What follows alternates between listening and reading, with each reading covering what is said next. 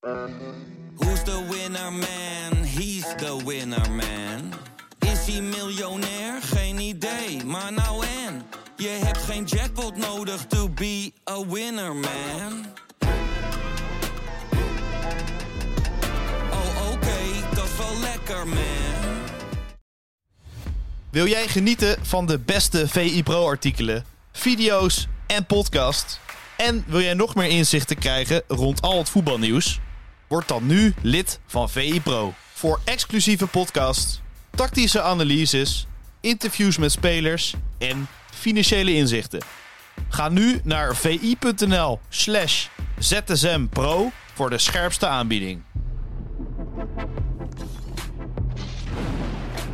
Ja, goedemorgen en welkom bij VI ZSM van woensdag 6 september van het jaar 2023. Dit is natuurlijk de dagelijkse podcast van Voetbal International, waarin we jou bijpraten over het laatste voetbalnieuws. Mijn naam is Matthijs Vechter en ik doe dit niet alleen vandaag, maar natuurlijk met Dave Albers. Goedemorgen. Goedemorgen Matthijs. Ja, op een mooie zomerdag natuurlijk. Ehm, gaan we meteen door naar het meest gelezen bericht op vi.nl. En dat gaat over uh, John Heitinga, want toch nog wel een verrassend nieuwtje vond ik. Wat, wat, wat is er aan de hand? Ja, ik, uh, ik was wel redelijk verrast ja, uh, door het nieuws. Want uh, de kop was geloof ik Heitinga volgt Kudus en Alvarez naar, naar West Ham. Je denkt, wat, wat is dit voor situatie? Maar als je het leest is het natuurlijk... Jij dacht, hij heeft zijn voetbalschoenen weer aangetrokken. Ja, zo, zo klonk het een beetje door het nieuwsbericht. Ik denk, nou Johnny, ga ervoor. Maar ehm, hij wordt de assistent-trainer daarvan van David Moyes. En die kent hij natuurlijk goed, omdat hij, ik geloof, een jaar of vier uh, bij Everton uh, met hem samen heeft gewerkt. Uh, toen hij speler was en Mooi is daar de trainer.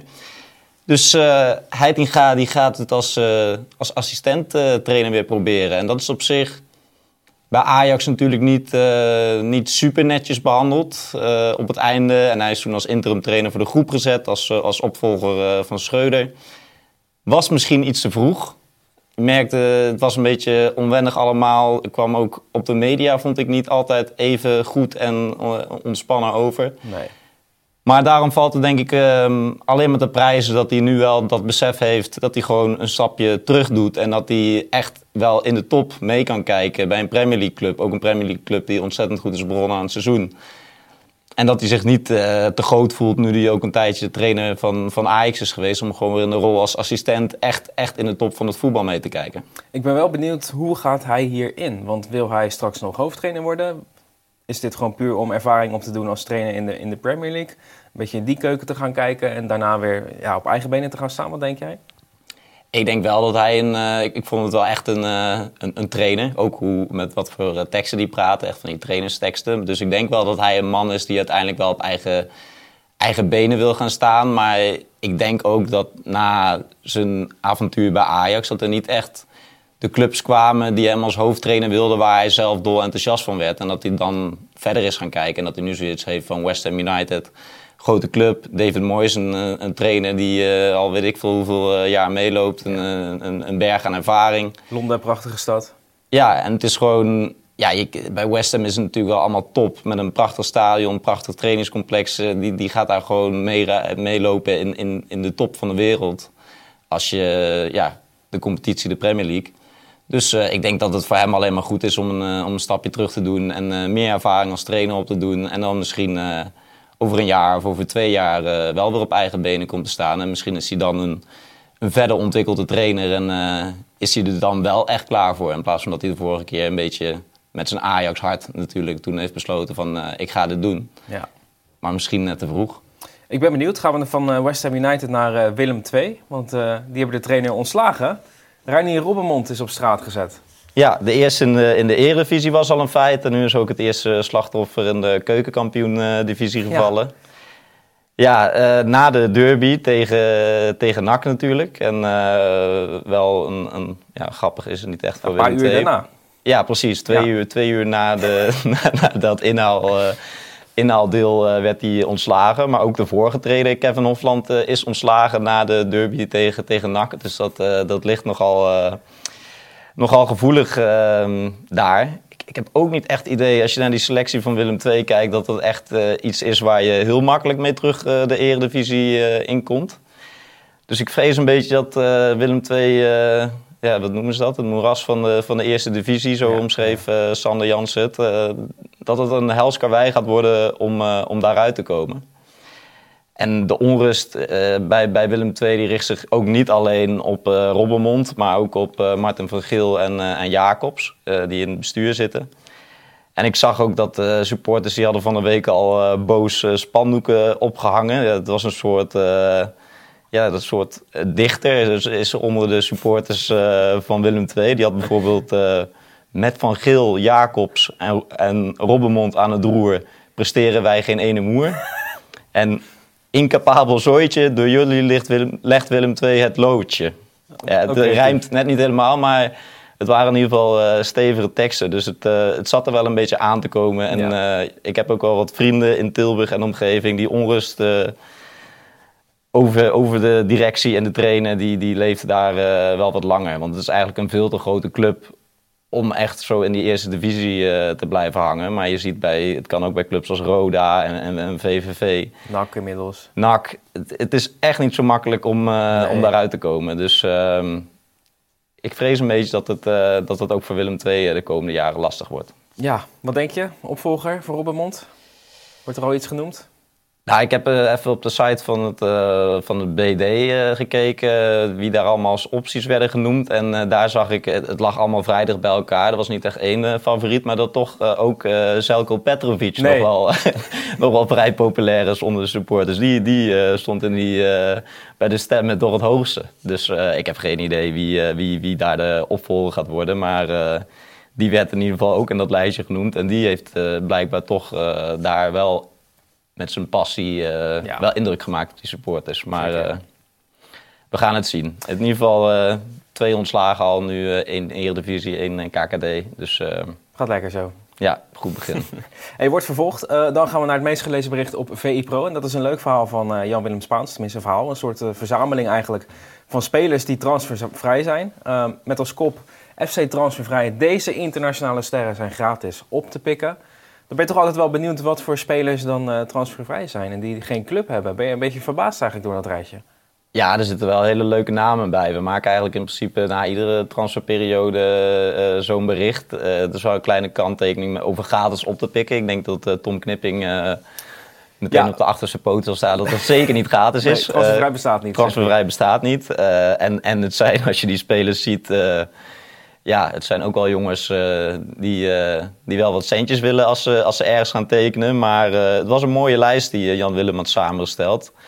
Onder andere natuurlijk David de Gea, die als keeper nog gewoon transfervrij is. Die gewoon jaren de absolute top bij United heeft gespeeld.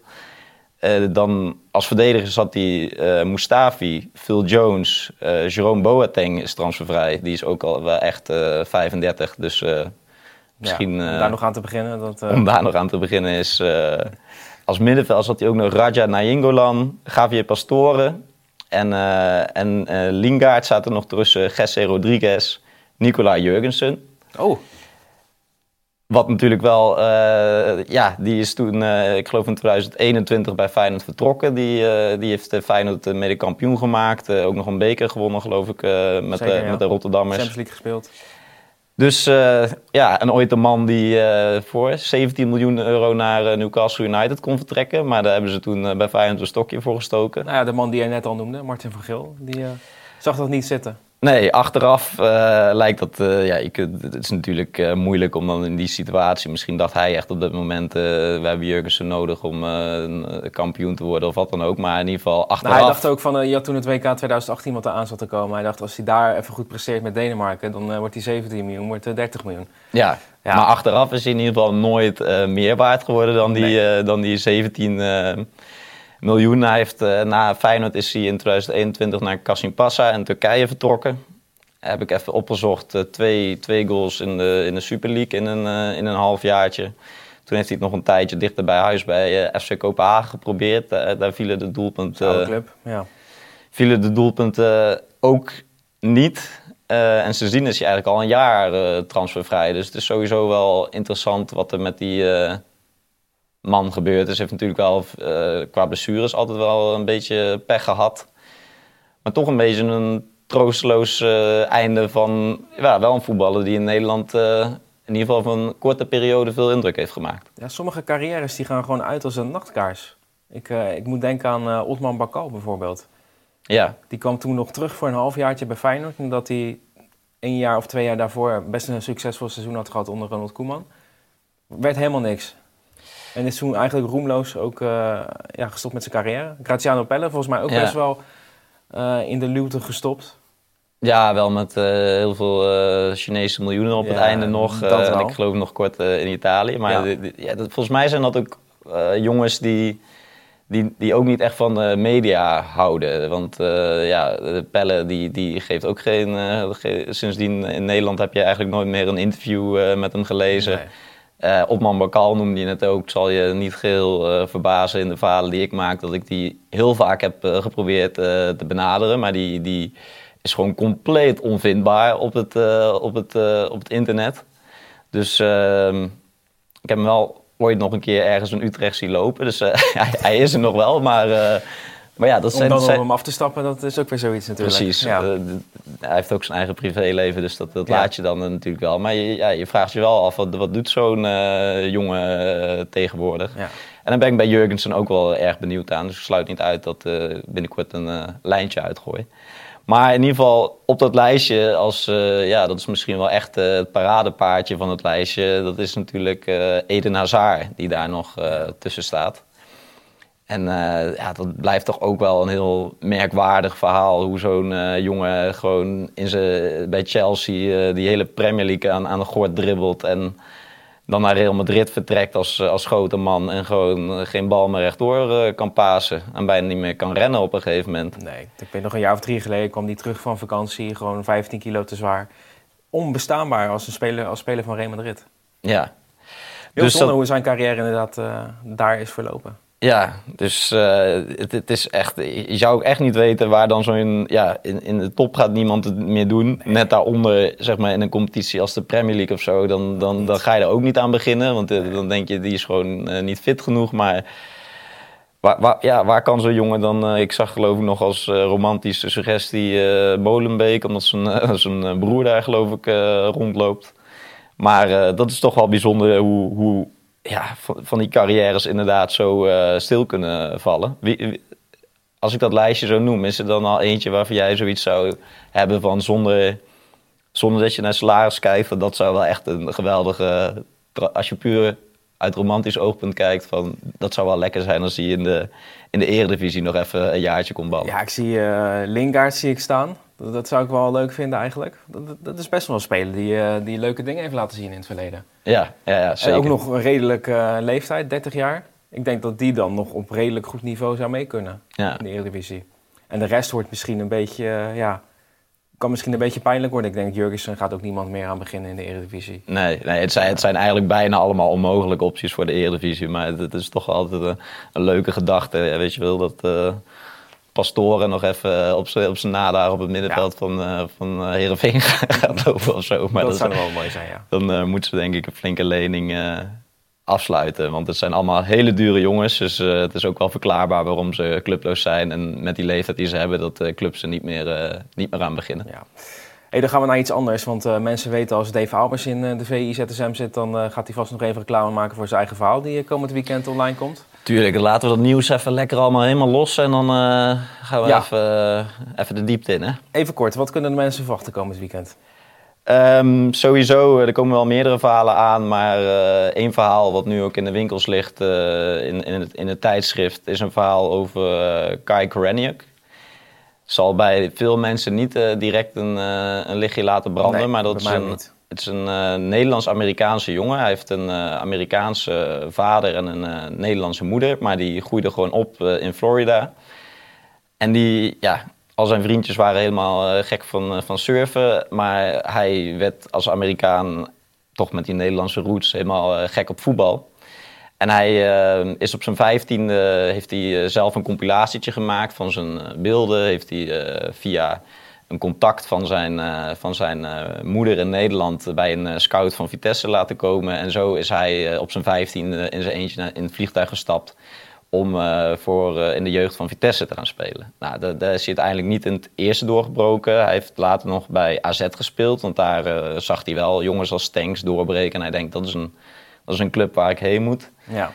En nou ja, daar speelde hij bij Jong AZ, een beetje generatie Tijani Reinders, eh Owen Wijndal. En eh, daar is hij toen weer opgepikt, juist weer door een Amerikaanse club. Dus eh, toen is hij bij LA Galaxy beland. Heeft hij nog een tijd met, met Slatan getraind. En hij vertelde dat het als jeugdspeler geen pretje is. maar dat, dat moeten mensen vooral maar even in het stuk gaan lezen Ja. van het weekend. Mooie teaser. Ja, maar dus hij, eh, hij heeft op een gegeven moment ook een eh, doelpunt in de MLS eh, zelfs gemaakt. En dat vierde hij met, met Javier Hernandez, Chicharito. Die we nog kennen van United en Real Madrid. Zeker. Dus hij, hij zat eraan te komen, maar zijn carrière is een beetje... toch eh, heeft de verkeerde uitslag genomen door eigenlijk pure botte pech. Een enorm zware blessure, waardoor hij 16 maanden eruit was. Eh, toen hij toen net weer terugkwam eh, bij, bij een club en eh, die een stage had, eh, kreeg hij na twee weken een belletje dat zijn vader was overleden. Dus toen moest hij de voorbereiding verlaten om te spreken op die, op die begrafenis. En toen kwam hij vervolgens weer terug. En toen had die club zoiets van, ja, moet hij wel een wedstrijd fit maken? Moest hij weer heel veel gaan trainen? En veel speelde hij ineens na 16 maanden in een korte periode heel erg veel. Drie keer een half uur, geloof ik. Nou, daar kreeg hij ver- vervolgens weer eh, last van. eh, en eh, ja, nou, toen kreeg hij last en toen kreeg hij weer van die club te horen van ja, ja toch niet fit genoeg. En zo heeft hij, is dat een beetje opgestapeld. En ehm, dat heeft ertoe geleid dat die jongen onlangs opdook bij, bij Blauw-Geel uit, eh uit Veghel. Dus hij, ja, het is... Van Zlatan Ibrahimovic naar Veghel. Precies, dus het is nogal een, eh, een, een, een erge overgang. Maar eh, ja, de jongen probeert nu op andere manieren. Die, die hoopt stiekem nog dat hij dat hij via deze stap nog een, stap naar het profvoetbal gaat maken. Maar hij, hij, eh, hij heeft ook wel zoiets van, ja, als ik niet als voetballer kan slagen, betekent dat niet dat ik niet succesvol kan worden in het leven. Dus het is een verhaal met pieken eh, en, en, en dalen. Maar eh, voor, de, voor de details en eh, hoe het allemaal precies zit en hoe de jongen erin staat, verwijs ik ze me vooral door naar mijn pro-stuk van, van het weekend. Ja, nu, nu al te lezen in het blad en van het weekend op VPRO. Ja, zeker weten. Uitstekend, Dave. Nou, mag ik jou bedanken voor deze VZSM? Mag ik jou bedanken. Uiteraard, tot ZSM. Tot ZSM.